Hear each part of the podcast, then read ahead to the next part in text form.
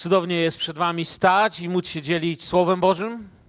W XV wieku żył taki człowiek, nazywał się Mikołaj Skuzy i powiedział takie piękne słowa. Bóg w swojej dobroci pozwala ślepcom opowiadać o swojej światłości. Tak więc dzięki Bogu coś Wam powiem, ale ponad wszystko w tym wszystkim, co powiem, niech Duch Święty działa i niech używa tego słowa, ponieważ korzystam z niedoskonałych instrumentów jako niedoskonały człowiek, z niedoskonałym przekazem, dzieląc się z Wami doskonałym Słowem Bożym. A więc Duch Święty jest bardzo potrzebny tutaj. Myślę, że pozostanę w klimacie, czy nastroju, czy tym oczekiwaniu, który stwarza pamiątka tej ostatniej wieczerzy. I poproszę Was, byście skupili Waszą uwagę na Ewangelii według świętego Marka, 13 rozdział. Cały rozdział, niesamowity zresztą jak każdy, ale od 33 wersetu do końca. Uważajcie, czuwajcie.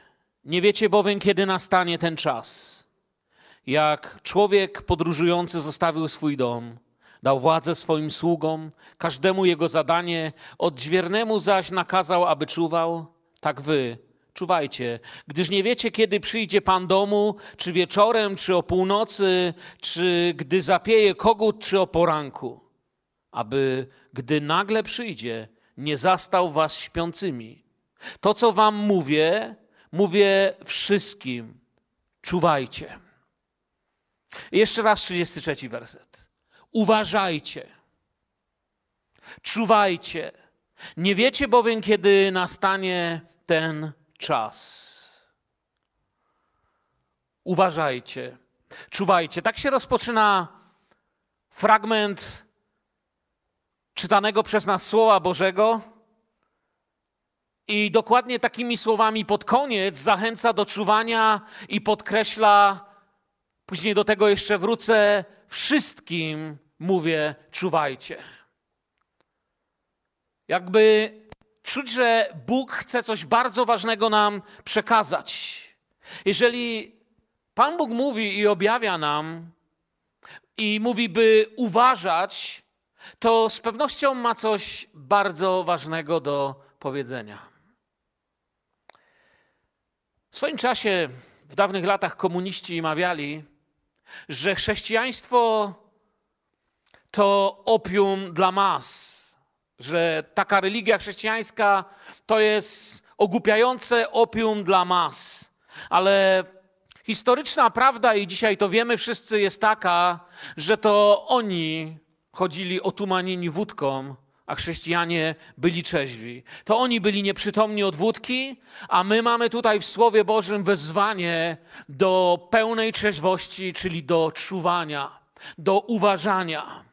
Tu widzimy, że to czuwanie, czyli innymi słowami, w definicji swojej trzeźwa ocena sytuacji, jest takim wezwaniem od Ducha Świętego dla nas. Wiecie, czuwa ten, kto się czegoś spodziewa. Ten, który wie, że coś będzie. To jest czuwanie. Jeszcze nie wiadomo jak, kiedy, ale wie. I w sprawach, przy których mocno czuwamy, wiele takich spraw mamy w życiu, że jesteśmy na nie czujni. Bardzo często Słowo Boże jest takim dla nas trochę rozczarowaniem, bo w tym miejscu Bóg mówi, że to nie jest aż takie ważne. Wcale jakoś tam nas mocno do czuwania nie wzywa, raczej mówi Królestwa Bożego szukajcie wpierw, nie martwcie się o te rzeczy. W sprawach, przy których my śpimy, bo wydaje nam się, że właściwie sprawa została dawno załatwiona, jest wszystko ok. Tutaj Jezus mówi wręcz odwrotnie, mówi czuwajcie. Jeśli chodzi o przyjście pańskie, nie jest to rzecz, którą załatwiliśmy 20 lat temu kiedyś tam i Pan Bóg mówi, jak coś to ci przekaże, ale Bóg mówi, wzywa nas do czuwania. Czuwajcie. I niezwykłe jest tutaj, wiecie, to jeśli chodzi o grecki Nowy Testament, o Grekę, niezwykłe jest to słowo czuwajcie. No bo zauważyliście, że w fragmentach, które czytaliśmy, w tym całym fragmencie, w wersecie 33, 34, 35, 37, powtarzały się te słowa czuwajcie. Ale jedno z nich jest inne. Wszystkie tamte To jest takie samo słowo, ale to pierwsze czuwajcie jest zupełnie inne. W 33 wersecie jest to jednak y, słowo, które ma troszeczkę inne znaczenie niż następujące po nim czuwajcie. Jest to słowo, ono się po, po grecku czyta agrupneo. Słowo to oznacza bezsenność, trwanie bez snu, wsłuchiwanie się w dźwięki nocy. Nie jest tym samym, co pozostałe czuwajcie, które dokładnie znaczą czuwajcie. Tutaj jest właśnie mowa o jakby bezsenności. Nie zaśnij, wsłuchaj się w noc. Słyszysz? To jest takie troszeczkę inne słowo. Wokół nas trwa noc. I sami widzimy, wystarczy włączyć wiadomości, przeczytać wiadomości, popatrzeć na ten świat, czy to ze strony ekologii, czy to ze strony finansów, czy to polityki, czy innych spraw, widzimy, że nad światem zapada wieczór. Widzimy, że coraz większa noc. I dziś Duch Święty chce nam przypomnieć: czuwajcie. Wierzę, że to słowo dzisiaj zostałem do niego pobudzony, aby w czasie dzisiejszego wykładu, w tym miejscu, w którym siedzisz, byś mógł sobie zadawać pytanie, czy jestem gotowy, gdyby Jezus dzisiaj przyszedł. Gdyby Pan dzisiaj zawołał mnie do siebie, czy to przez Jego przyjście i zabranie Kościoła, czy też przez to, że dzisiaj po prostu Bóg powołałby mnie do siebie i koniec. Tak jak Jezus trwał w Getsemani, to nie był czas na sen. Ludzie tego nie rozpoznali. Jak mówiłem, to widać nawet pięknie w Słowie Bożym. Nie będę tych fragmentów czytał, znacie je na pamięć, że kiedy są na łodzi, burza rzuca łodzią, uczniowie krzyczą ratunku, ratunku, giniemy, a Pan Jezus co robi w tym czasie?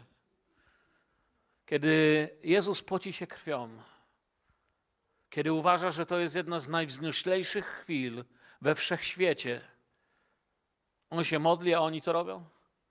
Śpią. To jest właśnie to, co mówiłem, że to zupełne niezrozumienie czasami tego.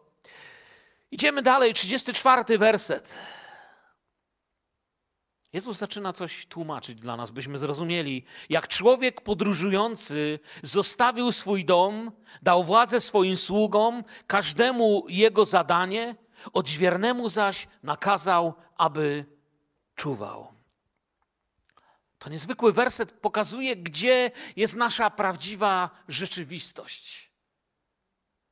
Kiedy się w niego czyta, wczytacie, to widać, gdzie jest nasza prawdziwa rzeczywistość. Mamy tutaj czasami właśnie w tym naszych przekładach, nie zawsze możemy to wychwycić dobrze. Mamy tutaj podróżujący zostawił swój dom. Tu jest dużo, dużo głębiej Greka nam mówi. Dokładniej można by było tutaj to przetłumaczyć, i to oczywiście jest dobrze przetłumaczone. Ja nie próbuję poprawiać tłumaczy, ale próbuję Wam jakby bardziej prostymi słowami oddać głębię tego wyrażenia. Yy, opuściwszy swój lud, wyjechał na obczyznę. Dokładnie to znaczą te słowa w Grece, że opuścił swoich ludzi, pośród których jest, i wyjechał do obcej ziemi. Czyli nie przebywa na tym, na tej ziemi, na której są ci, do których się zwraca. Opuściwszy swój lud, wyjechał na obczyznę. I to, co nazwałbym tu obczyzną, nie mogę tak nazwać, bo to jest tak naprawdę nasz prawdziwy dom. Bo nasza ojczyzna jest w niebie. Tam jest nasz prawdziwy dom. To niezwykłe. On zostawił tą rzeczywistość i sprawy tego systemu.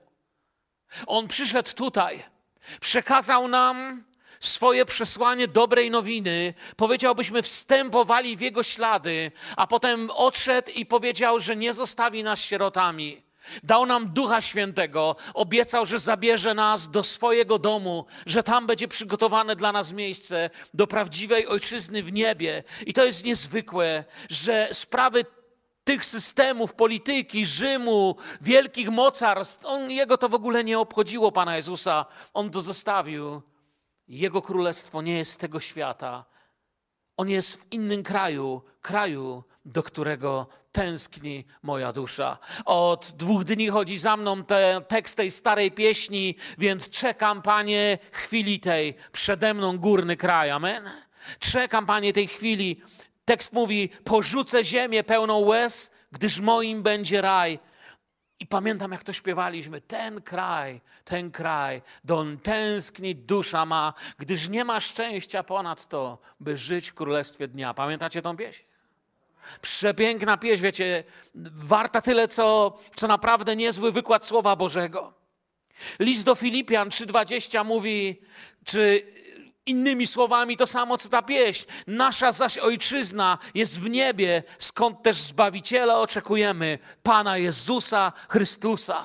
A dokładniej to pieśń mówi to samo, co to słowo. To słowo nam objawia, tam jest nasza ojczyzna, tam nas chce Pan zabrać. I Duch Święty zadaje pytanie, czy jesteś gotowy, nie czy jesteś doskonały? Nie, czy wszystkie te pytania, które nam się wydaje, że brzmią dobrze jak na egzaminie, Duch, Święta, Duch Święty pyta, czy jesteś gotowy być zabrany? Czy jesteś gotowy na spotkanie? Czy jesteś gotowy do domu?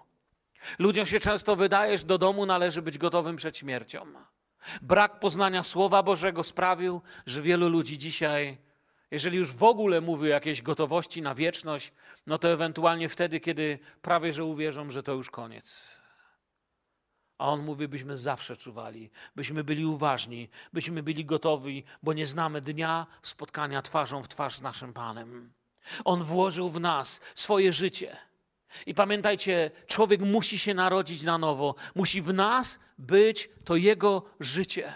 Musi w nas być to, co wstępuje z góry. Innymi słowami, narodzić się na nowo, na, znaczy narodzić się z góry. I nieraz tu o tym mówiłem, do góry pójdzie tylko to, co przyszło z góry. Do nieba pójdzie tylko to, co przyszło z nieba. I nic innego nie odziedziczy Królestwa Bożego, jak to, co nowe On w nas włożył, co w nas urodziło się. Czekamy na Jezusa, naśladując Jezusa. Bez względu na to, gdzie dziś jesteś, siedzisz tutaj, cieszymy się, że jesteś. Błogosławię i pozdrawiam tych, którzy słuchają nas online. Niech to słowo dokonuje w nas swojego dzieła, czy jestem gotowy, bo to jest najważniejsze. Na świecie dzisiaj jest taki zamęt i tyle się dzieje, że w gruncie rzeczy nie ma siły, żeby w ogóle nawet e, dogrzebać się do jakiejś prawdy. Ale nie musimy. My nie musimy się dokopywać do prawd tego świata, bo nawet pewnie ich tam nie ma. My mamy tego, który powiedział: Jestem drogą, prawdą i życiem. On powiedział: Jestem prawdą. Jeśli on mówi: Ja jestem prawdą, to wszystko inne pewnie prawdą nie jest. Czekamy na Jezusa, naśladując Jezusa. I słowo dalej mówi: Dał władzę swoim sługom, każdemu jego zadanie. Nawet jakbym nie skomentował tego, każdy z nas wie, że mamy swoje powołanie. Realizujemy swoje powołanie. Ci, którzy usługiwali tutaj, wy gdziekolwiek jesteście, Pamiętam kiedyś jeden z moich przyjaciół prowadził rozmowę duszpasterską i tak podzielił się tym z nami, kiedy jeszcze schodziliśmy do szkoły biblijnej w Rosji, w Moskwie, jak mieszkaliśmy tam. I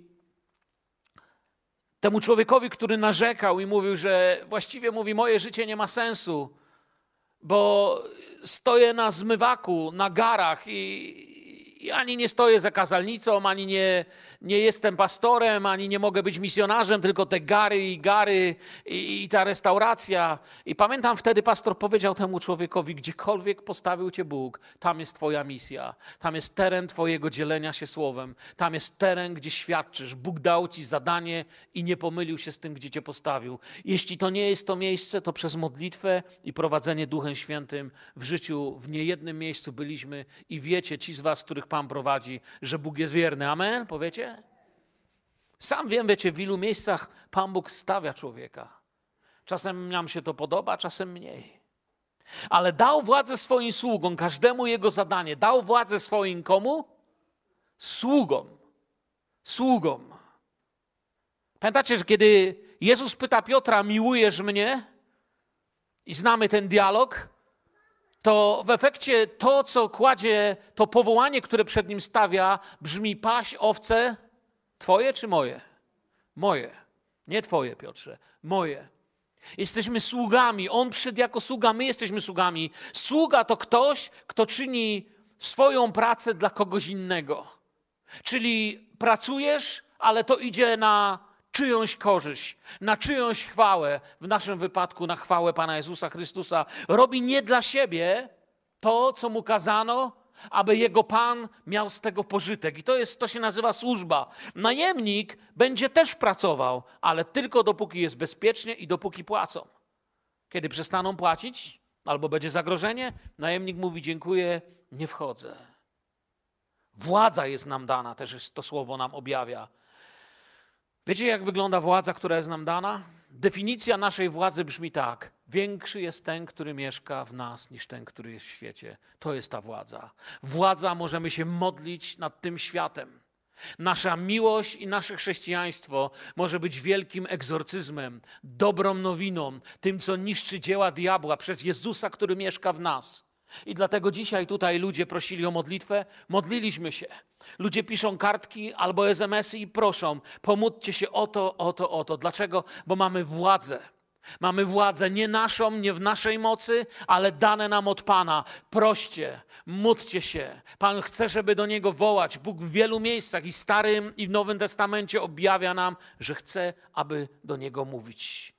To jest władza do ewangelizacji, modlitwy, uwalniania, uzdrawiania skrzywdzonych przez diabła. Kiedyś ciebie skrzywdził diabeł, dzisiaj ty możesz modlić się o tych, którym to zrobił. Kiedyś ciebie krzywdziły różne rzeczy tego świata, dzisiaj ty możesz ratować tym, którym to się dzieje. Tak jak on był na tym świecie, Biblia nam objawia, tak my możemy w jego ślady naśladować go. Czuwanie nie nasze, do którego dzisiaj zachęca nas Duch Święty, nie jest, wiecie, takim czuwaniem jak strażnik z pałką. My nie stoimy w nawarcie, to nie ma nic wspólnego z tym tutaj. Nie wystarczy, że jesteśmy wartownikami, jesteśmy sługami, którzy robią swoje, czuwając na przyjście Pana, postawieni nie nad swoim, swoje życie Jemu oddaliśmy. To nie jest to, że dostaliśmy pałę i teraz tą pałą, która się jest zbudowana z dobrych, dobrze opracowanych wersetów, chodzimy i pilnujemy, który tutaj jakiś wersecik ci zaraz machnę na twój życiorys, nie? Kościół otrzymał moc Ducha Świętego i powołanie w nim. Słudzy mają władzę i zadanie. Nie zostawił nas w poczekalni, ale na niwie, w polu. Kochający Jezusa ludzie dostali swoją pracę, naśladowanie mistrza. Każdy swoje zadanie, każdy swoje powołanie, każdy niech robi swoje, ale ciągle pytanie brzmi, czy jesteś gotowy, gdyby cię dzisiaj Pan zawołał do siebie. I jeszcze kilka rzeczy dzisiaj o tym będę chciał powiedzieć. I tutaj słowo czuwać oznacza aktywną uważność, zwracanie uwagi. Tutaj już mówi o pewnym aktywnym rozglądaniu się. Czuwasz, rozglądaj się, oceniaj sytuację i według tego działaj. I 35 werset wchodzimy. Tak wy czuwajcie, gdyż nie wiecie, kiedy przyjdzie Pan domu. Czy wieczorem, czy o północy, czy gdy zapieje kogut, czy o poranku. Nieczęsto następny werset zaczyna się takim samym słowem, jakim się skończył poprzedni. oczywiście sobie zdaję sprawę, że Pan Jezus nie mówił wersetami. Jezus nie mówił w ten sposób, że podawał numer wersetu i wypowiedź. Ale samo to, jak te słowa tu się powtarzają. Ten werset zaczyna się dokładnie takim samym słowem, jak się kończył poprzedni. Czuwanie nie polega na robieniu ciągle tego samego albo na nierobieniu niczego i czekaniu. Polega na byciu gotowym, cokolwiek robimy. Innymi słowami, czuwasz wtedy, teraz jesteś na przykład w zborze, siedzisz tu, albo teraz siedzisz w swoim domu, na twoim tapczanie, albo przed twoim biurkiem, albo może jedziesz samochodem i słuchasz tego przekłazu na żywo. Gdziekolwiek teraz jesteś, gdyby teraz, w tym momencie przyszedł Pan, czy czuwałeś, czy byłeś gotowy? Czym jest ta gotowość? O czym my mówimy. Do tego dziś chcę zmierzać. Dlatego nie chodzi o to, by cały czas być w kościele. Wiemy, że kiedy Pan Jezus mówi czuwajcie, to nie ma na myśli, wiecie co najlepiej, to siądźcie w kościele i zamknijcie drzwi i siedźcie, aż przyjdę. W sensie w kościele mam na myśli budynek kościelny. Nie chodzi o to, by cały czas być w kościele przez małe K, ale by być kościołem przez duże K, gdziekolwiek jesteśmy. Gdziekolwiek się udajemy, nigdy nie jest dobry czas, byś wyłączył się jako chrześcijanin. Dla chrześcijanina nigdy nie jest dobry czas, abyś zaczął mówić nieprawdę z bliźnim swoim, bo przestajesz czekać. Nigdy nie jest dobry czas, abyś nosił urazy albo gniew w swoim sercu, bo przestajesz czekać.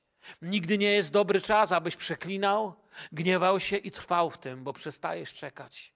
Zdarzają się w naszym życiu upadki. Czekanie polega na tym, że zdaje sobie sprawę, że Pan jest blisko i wszystko, co mu się nie podoba, koryguje przez Jego słowo, wyznanie grzechów, modlitwę i posłuszeństwu temu, co On naucza. Nigdy nie jest dobry czas, by się wyłączyć. Czuwanie jest czymś, w czym nie można się zaniedbać. Do takiego czuwania nas wzywa, bo nie wiemy kiedy. No na tym polega czuwanie. Nie wiem kiedy, więc staram się być gotowy. Powiem tak, znając godzinę, ja na przykład wiedziałem, że dzisiaj nabożeństwo jest na dziesiątą, a wy? Więc wiedziałem, że nie muszę całą noc czekać. Nie było tak, że moja żona przyszła, nie wiem, do sypialni o północy albo o drugiej w nocy, a ja siedzę, ona, czemu siedzisz? No bo nie wiem, kiedy nabożeństwo się zacznie, a mam kazanie. Nie, ja wiedziałem. I dlatego jestem wypoczęty i szczęśliwy i uśmiechnięty. Bo spałem sobie spokojnie, po szóstej sobie spokojnie wstałem, jestem gotowy. Bo znałem godzinę. Czuwanie polega na tym, że jest pewien wysiłek, że nie można wyskoczyć, nie można się zdrzemnąć, nie można się zaniedbać. Panu Bogu nie chodzi o to, abyśmy nie spali w sensie fizycznym, ale abyśmy nie zasypiali w sensie duchowym, abyś się nie zaniedbał, abyś nie zaczął sobie myśleć, że właściwie to mogę sobie żyć byle jak, bo to jeszcze nie dziś. Czuwajcie, uważajcie, to wam mówię, do was wszystkich mówię. To jest bardziej jak, mm, gdybym miał użyć porównać, to bym powiedział tak, czuwanie, do którego zachęca nas Jezus, nie jest y, czymś, czym byłoby oczekiwanie na nocny pociąg. Bo pociąg wiemy, o której godzinie przyjedzie. Jest bardziej jak nocne wędkarstwo. W nocy zarzuca wędkę i lepiej, żeby przy niej był. Jak pójdzie spać, to rano może wędki nie być. Bo nie wiadomo kiedy. Nad brzegiem rzeki nigdy nie ma tabliczki i nie pisze, że ryby biorą od 10 do 10.45, a potem przerwa. Nie wiadomo kiedy. I to jest czuwanie, to jest czekanie. Trzeba być gotowym, przyglądać, patrzeć na ten spławik. I chrześcijanie muszą wpatrywać się w Pana, chodzić w Duchu Świętym, trwać w Słowie Bożym. Mamy tutaj też podany ten rzymski porządek zmian straży nocnej, bo nie wiemy w jaki czas przyjdzie, czy to będzie o północy, czy rano i tak dalej. Zaraz do tego jeszcze wrócę. Która godzina i moment są właściwe, by kochać Ciebie, Panie Jezu, i na Ciebie czekać? Która? Każda. To nie jest tak, że Panie, kiedy mogę Cię na chwilę przestać kochać? Innymi słowami, kiedy mogę na chwilę przestać być posłuszny Twojemu słowu, kiedy na chwilę mogę zaniedbać się i żyć w grzechu? Nigdy. Bóg mówi: bądź mój, bądź mój zawsze, bądź mój wszędzie, gdzie chodzisz, bądź mój, kiedy upadniesz. Orędownika mamy, pamiętacie? W środę o tym mówiłem, jeśli byliście. Każda chwila jest właściwa, by zapytać się samego siebie: czekasz jeszcze na Pana Jezusa? Czekasz na Pana Jezusa? Pięknym komentarzem do tego wersetu są słowa, Biblia sama siebie komentuje z listu do Rzymian, z 13 wersetu, od 11 do 14. A to czyńcie wiedząc, że już czas, że już nadeszła pora, abyście się ze snu obudzili, albowiem teraz bliższe jest nasze zbawienie, niż kiedy uwierzyliśmy. Noc przeminęła, a dzień się przybliżył. Odrzućmy tedy uczynki ciemności, a obleczmy się w zbroję światłości. Postępujmy przystojnie jak za dnia, nie w biesiadach i w pijaństwach, nie w rozpustach i rozwiązłości, nie w swarach i zazdrości, ale obleczcie się w Pana Jezusa Chrystusa i nie czyńcie starania o ciało, aby zaspokoić porządliwość. Innymi słowami, czuwanie to obudź się, bądź gotowy, obleczony w Chrystusa. Nie bądź nagi znaleziony przed Bogiem. Czy trwasz w Chrystusie? Czy być może dzisiaj po nabożeństwie czujesz, że jednak są na tej sali ludzie, do których powinieneś podejść, podać rękę albo, albo zaciągnąć maseczkę i na odległość, ale powiedzieć przepraszam. A może są ludzie, do których należałoby napisać SMS-a: Przepraszam cię, zapomniałem sobie, kim jestem i kto jest moim Panem. A może są sprawy, które należy wyznać, są rzeczy, które należy zmienić, są przyzwyczajenia, i rzeczy, w których dalej nie możesz trwać. Obudź się, to już jest czas. Apostoł tam nie napisał, że obudźcie się, bo Jezus jest już tutaj. Nie. On napisał, to jest czas, żeby nie spać, żeby nie trwać w zaniedbaniu. To jest to, do czego wzywa Jezus. I ważna prawda brzmi w słowach, gdyż nie wiecie, kiedy przyjdzie Pan domu. Nie znasz daty, zgadza się? Człowiek nie zna. Wiecie, ja słyszałem anegdotę o jednym facecie, który chwalił się, że jego dziadek znał dokładną datę swojej śmierci. I w końcu go spytali, słuchaj, jak to możliwe, że twój dziadek znał dokładną datę swojej śmierci? Kto mu o tym powiedział? On mówi, sędzia stanowy, jak wyrok wydawał. Ale to się rzadko zdarza. Nie znasz daty, nie znasz dnia ani godziny. Nie wiesz. Nie ma tu zachęty, zwróćcie uwagę, do czegoś, co przez wieki w kościele często robiono. Nie ma zachęty do jakichkolwiek badań nad datami, porami. Byli ludzie, którzy czasami, wiecie, grzebali w datach. Ileż to w historii było już kaznodziejów, nauczycieli, pastorów, wielkich proroków w cudzysłowie, którzy podawali dokładną datę. On wie. Aniołowie nie wiedzą, ale on wie. On wie kiedy. I podawał datę. I mówił, wtedy to się stanie.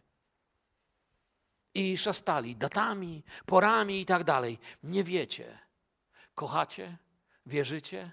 Jesteśmy wierzący, a nie wiedzący. Ja wierzę. Chcę być Jego, ile mi jeszcze lat zostało. Jeśli mi zostało parę dni, to te parę dni chcę być Jego. Jeśli mi zostało jeszcze ileś tam lat, to te ileś tam lat chcę należeć do mojego Pana i chcę Go kochać całym moim sercem. A Ty? Czy jesteś gotowy, gdyby Pan powiedział, teraz chciałbym się z Tobą spotkać w ten wyjątkowy sposób? Niestety to niektórym nie wystarcza. Stąd mamy właśnie te biblijne praktyki wyznaczania czasów, dat, obliczeń, wróżb i tak dalej, i tak dalej, różnego rodzaju księgi wydawane przez wieki, w których jacyś ludzie mówili, że wiedzą. Biblia mówi, nie wiecie, a zbuntowany człowiek mówi, ale się dowiemy. Bóg mówi, nie wiecie i koniec.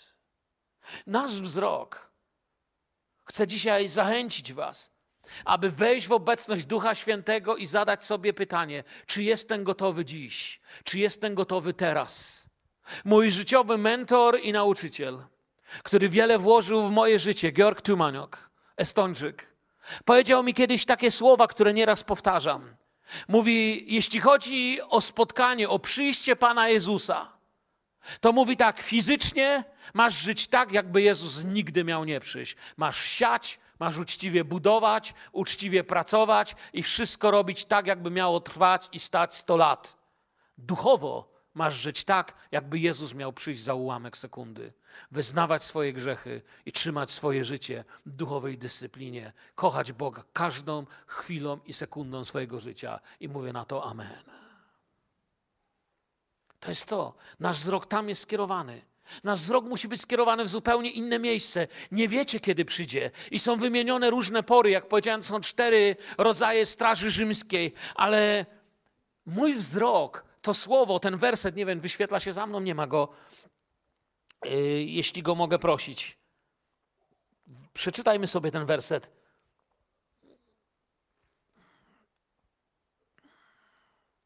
Czy wieczorem czy o północy, czy gdy zapieje kogut, czy o poranku. Widzicie, nasz wzrok kierowany jest w inne miejsce tutaj. Jest kierowany ku męce Pana i tym, jak zawiodła ludzkość. Myśmy go zawiedli. Do swoich przyszedł Stwórca i Bóg, ale swoi go nie przyjęli i nie poznali, nie czuwali, nie widzieli Pana chwały, ukrzyżowali, mówi Słowo Boże. Czy wieczorem, czy o północy, czy gdy zapieje kogut, czy o poranku. Wieczorem wziął chleb i kielich. W tym samym czasie w Judasza wstępował diabeł. Wielu w ogóle nie wiedziało, co się dzieje. Bardzo dobrze pastor dziś skomentował. Ich myśli, ich fokus był zupełnie gdzie indziej. O północy pod jego był jak krew i został zdradzony z pochodniami, z pałami, z kijami i mieczami przyszli. Gdy zapiał kur, przyjaciel spojrzał w jego oczy on miłował, a przyjaciel zdradzał i mówi nie znał. O poranku zapadł wyrok, wydać go Piłatowi, wydamy go Rzymianom, zniszczymy i zetrzemy go na zawsze z powierzchni tego świata. Czemuż burzą się narody, pisał psalmista w psalmie drugim. Przeciwko pomazańcowi stają. Bądźcie gotowi, on mówi. Dam wam nową siłę. Powołał nowy lud, powołał swój kościół, powołał ludzi do kochania Stało się tam, co się stało, i Biblia wyjaśnia, bo gdyby poznali, nie byliby Pana chwały, ukrzyżowali, mówi 1 Koryntian 2,8. Idąc dalej, 36 werset. Aby gdy nagle przyjdzie, nie zastał was śpiącymi. Już raz przyszedł, ale wszyscy spali. Nawet miejsca nie było w Betlejem. Przyszedł i spali, kiedy przychodzi do nich i mówi: Nie mogliście chwilę ze mną czuwać. Spaliśmy wszyscy. Ich sen jest naszym snem. Ich opamiętanie jest dla nas wzorem dla naszego opamiętania. Ich droga za nim jest w jakiś sposób w dziejach apostolskich przepięknym wzorem tego, jak my możemy w naszym kontekście, w naszych czasach iść za nim. Lecz on po to się narodził, aby wziąć ten ciężki krzyż, aby pójść, wyznaczyć drogę i powiedział: Ja was zabiorę do siebie, a dziś wchodźcie w moje ślady, idźcie tą drogą, to jest dobry kierunek. Czuwajcie. Czuwajcie w swojej czystości, czuwajcie w swojej świętości, czuwajcie w waszym pokoju. Czuwajcie, miejcie pokój z ludźmi, pokój z Bogiem, pokój z sobą. To określa słowo szalom, pokój. On się po to narodził. Kościół nie jest poczekalnią dla grzecznych, którzy się załapali. Gdyby Kościół był poczekalnią dla grzecznych, co się załapali, to ja bym tu nie był. Wychowałem się na blokowisku. Jestem prostym gościem, co się wychował na blokowisku. Bóg nie miał żadnego interesu, żeby mnie znaleźć, ani nie zrobił żadnego interesu na tym, że mnie znalazł. Ja go wielokrotnie zawiodłem, on mnie nigdy nie zawiódł. Znalazł mnie i znalazł ciebie. Nie zrobił na nas żadnego interesu. On nas kocha, bo miłość jest zawsze za darmo. Kiedy trzeba zapłacić, to już nie miłość. On nas kocha i dał siebie i mówi: wchodź w moje ślady, bądź gotowy. Chcę Cię zabrać do siebie. Chcę zawsze z Tobą być. Czujność to oczy naszego duchowego życia. Ono trwa i rozgląda się za Panem. Nie raz, nie dwa, nie pięć razy mówiłem z tej kazalnicy, że gdyby Kościołowi, gdyby się aparat EKG dało przyłożyć do serca Kościoła, którym jesteście, to właściwe EKG Kościoła, pamiętacie jakby brzmiało, mówiliśmy o tym nieraz. Przyjdź, Panie Jezu, przyjdź, Panie Jezu, przyjdź, Panie Jezu. Cały czas tak samo. Nigdy nie byłoby przyjdź, Panie Jezu, a wyskoczę się urżnąć, upić, a potem wrócę. Nigdy nie byłoby, a wyskoczę sobie coś złego zrobić, wyskoczę sobie zgrzeszyć, a potem wrócę. Nie, ono jest stałe. Nie ma nigdy linii śmierci. Nie ma nigdy odejścia sprzed Bożego oblicza. Nie ma nigdy stałości. Przyjdź, Panie Jezu, choćby dziś, choćby teraz, choćby tu. Gdy się rezygnuje, to się zasypia, przestaje się czekać. Nie zasypiaj. Czy jesteś gotowy? Czy dzisiaj Duch Święty nie prowadzi cię do Twojego bliźniego, aby się pojednać? Jeżeli jest ktoś, kogo nie lubisz, to przeszkadza w czekaniu, pojednaj się. Jeżeli jest ktoś, ktoś kogo zasmucasz, pojednaj się. Przytul człowieka, pojednaj się. Jeżeli jest coś, co sprawia, że nie możesz się modlić, pojednaj się z Bogiem. Przywróć łączność modlitwy. Odetkaj tą rurę. Wiecie, jak w zlewie przestaje woda spływać, to kupujemy jakiegoś kreta albo przepychamy rurę, bo chcemy, żeby to płynęło. O ileż ważniejsze to jest w naszym życiu, żeby nasze życie miało dobrą łączność z Bogiem. Abyś mógł spać spokojnie, byś się nie musiał budzić nocami, które będą powodować, że aż się żyć nie chce, ale byśmy się mogli budzić i dziękować Bogu za nasze życie. Tak dla jednych rzeczywiście, kiedy On przyjdzie, to wiecie, co to będzie? Kiedy Jezus przyjdzie, dla jednych to będzie przyjście oblubieńca i największa radość świata. Początek radości. Dla innych rzeczywiście to będzie przyjdzie jak złodziej w nocy. Wszystkie ich złudzenia przeminą. Wszystkie im ambicje okażą się nie do odnalezienia. Wszystkie fatamorgany, którymi obstawiliśmy naszą przyszłość i zabezpieczyli nasz byt, znikną w Jego przyjściu, jak złodziej w nocy. Ja raczej wolę powiedzieć: czekam na oblubieńca. Przyjdź, Panie Jezu. Kocham Cię. Chcę chodzić w pełnej czystości i otwartości przed Tobą. Sumując, Pan mówi, 37 werset, podsumowując wszystko, co powiedziałem, to, co Wam mówię, mówię wszystkim, czuwajcie. Przyjmujecie to słowo? To, co wam mówię, mówię wszystkim. Czuwajcie. Wiecie, jakoś tak się podrząd w środę o tym mówiłem, ale, ale, ale czuję, że muszę to powiedzieć. Kocham tą książkę opowieści z Narni, kroniki Narni. I pamiętam, nie wiem, wtedy czytałem ją po raz trzeci czy czwarty, któryś tam, nie wiem, kolejny. Tęskniłem tak jak dzieci, o których tam pisze C.S. Lewis. Nie chciałem wracać do codzienności. I kiedy spotykałem innych miłośników Narni i C.S. Lewisa, to odkrywaliśmy, że mamy to samo pragnienie. Oni mówili mi czasami, wiesz co, chciałbym znaleźć drzwi do Narni i wynieść się z tego świata, który się wali. Wielu z nas chciałoby odejść, bo czujemy, że to nie jest kraina, która jest nasza. Tam zresztą też nie byłaby nasza. On przygotował nas dom, nam dom. On mówi, czuwajcie. On wie, wiemy, że on na pewno, bądźcie gotowi, on na pewno przyjdzie. Nie chce się wracać do codzienności, ale pewnego dnia tak zwana codzienność, czy jak mówi to Słowo Boże, to, co nazywa się dziś, przeminie. I zaświta nowy dzień. Kiedy nowy dzień zaświta, a czas już zakończy się, pieśni mi chodzą po głowie, jak widzicie. Czy nie widać, bo są małe. Coś pięknego. To już jest. Postanowione, decyzja zapadła i wiem, że to się stanie. Nie wiemy kiedy, wiemy jedno. I mogę to na 100% powiedzieć. Nie wiem, kiedy przyjdzie Pan, ale wiem, że nikt już tego nie powstrzyma i to się stanie. Amen. To wiem. I wiem, że nie czekam na coś, czego nie ma. Wiecie, zdarzało się wam kiedyś czekać na coś, co nie istnieje? Mi się zdarzyło, kiedy podróżowałem po Azji. W Aszchabadzie kupiłem sobie bilet na autobus. I wiecie co, pani mi go sprzedała za 500 rubli, a jeszcze mi nie powiedziała wtedy, że 500 rosyjskich rubli to jest trzy razy tyle, co 500 ich starych rubli, tamtych, które mieli w Turkmenistanie. I resztę mi wydała ze starych, chociaż jej zapłaciłem nowymi, bo widziała, że tak zwany frajer się pojawił.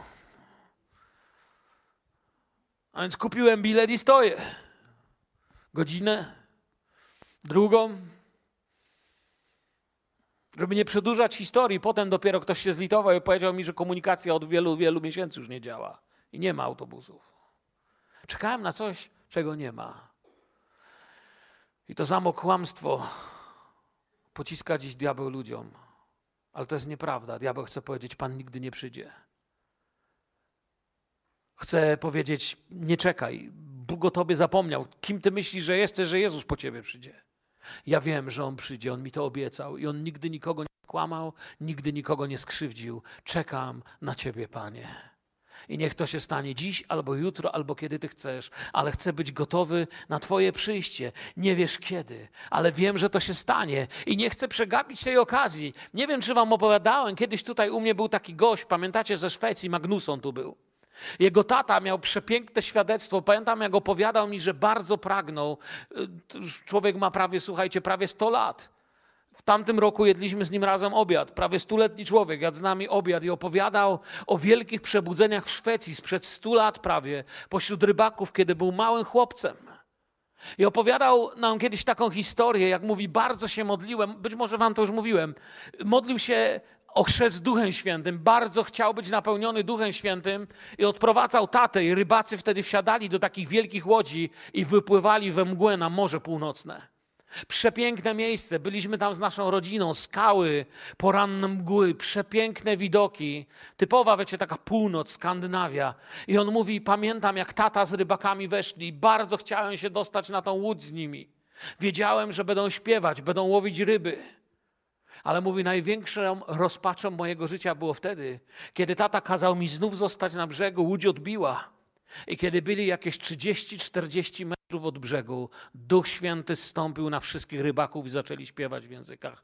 Cała łódź została ochrzczona Duchem Świętym. On mówi, stałem na brzegu i płakałem i jako małe dziecko przyrzekłem sobie wtedy, już nigdy, nigdy nie przepuszczę żadnej łodzi w moim życiu. Chcę być w miejscu, gdzie działa Bóg. Amen. Wiecie o czym mówię? Odbijając się od brzegu, łódź pokazuje, czym jest przygotowanie się. Uwijający się przy liniach marynarze pracują. Widzowie na brzegu są blisko. Ale kto zobaczy dalekie kraje? Kto dopłynie na drugi brzeg? ten, kto jest w łodzi, ten, kto jest gotowy, ten, kto bierze w tym udział. Miejcie udział w kościele, bądźcie kościołem. Jeszcze raz powtarzam, mam wielkie przekonanie, jeżeli czujesz, że masz się z kimś pojednać, pojednaj się.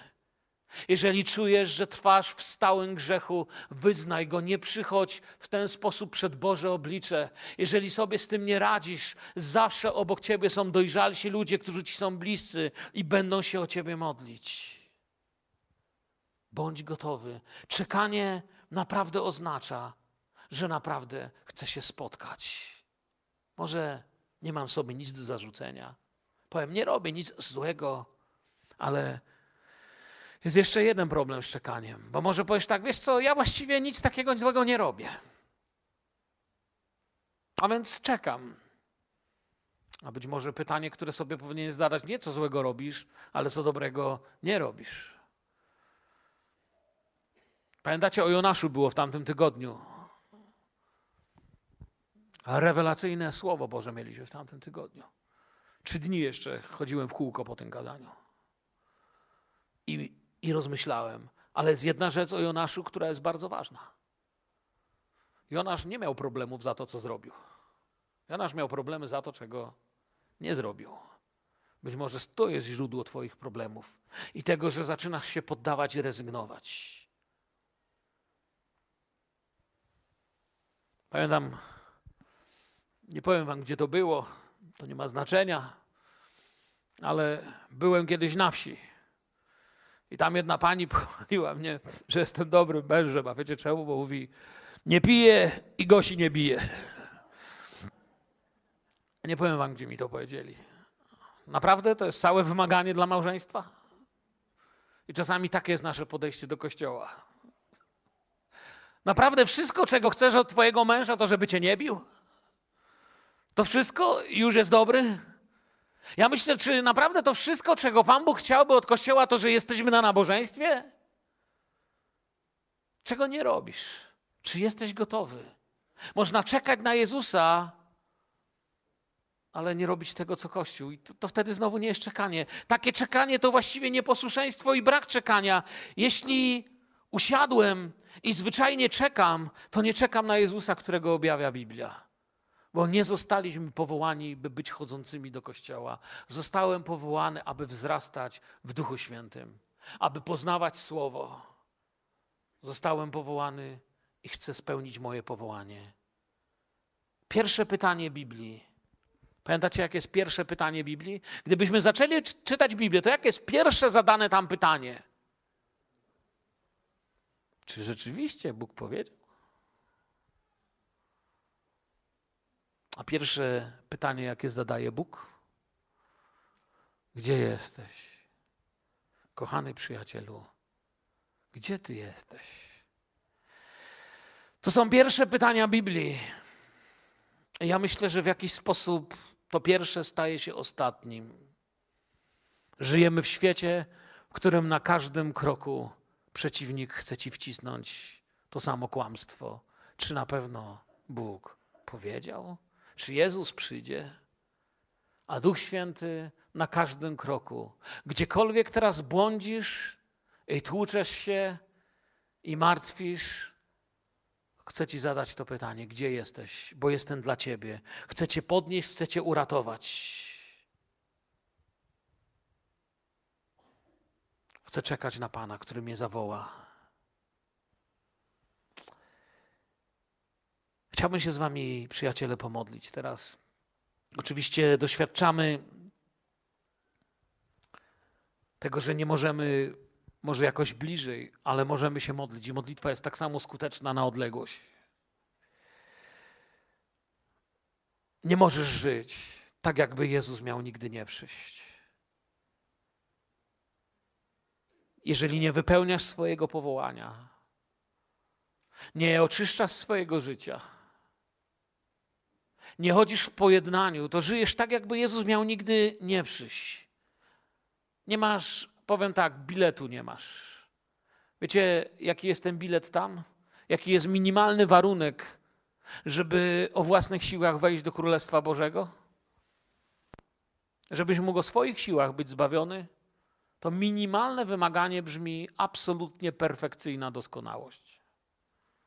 Także raczej nie ma chętnych. Oczywiście myślę, że zrozumieliście, co chciałem powiedzieć.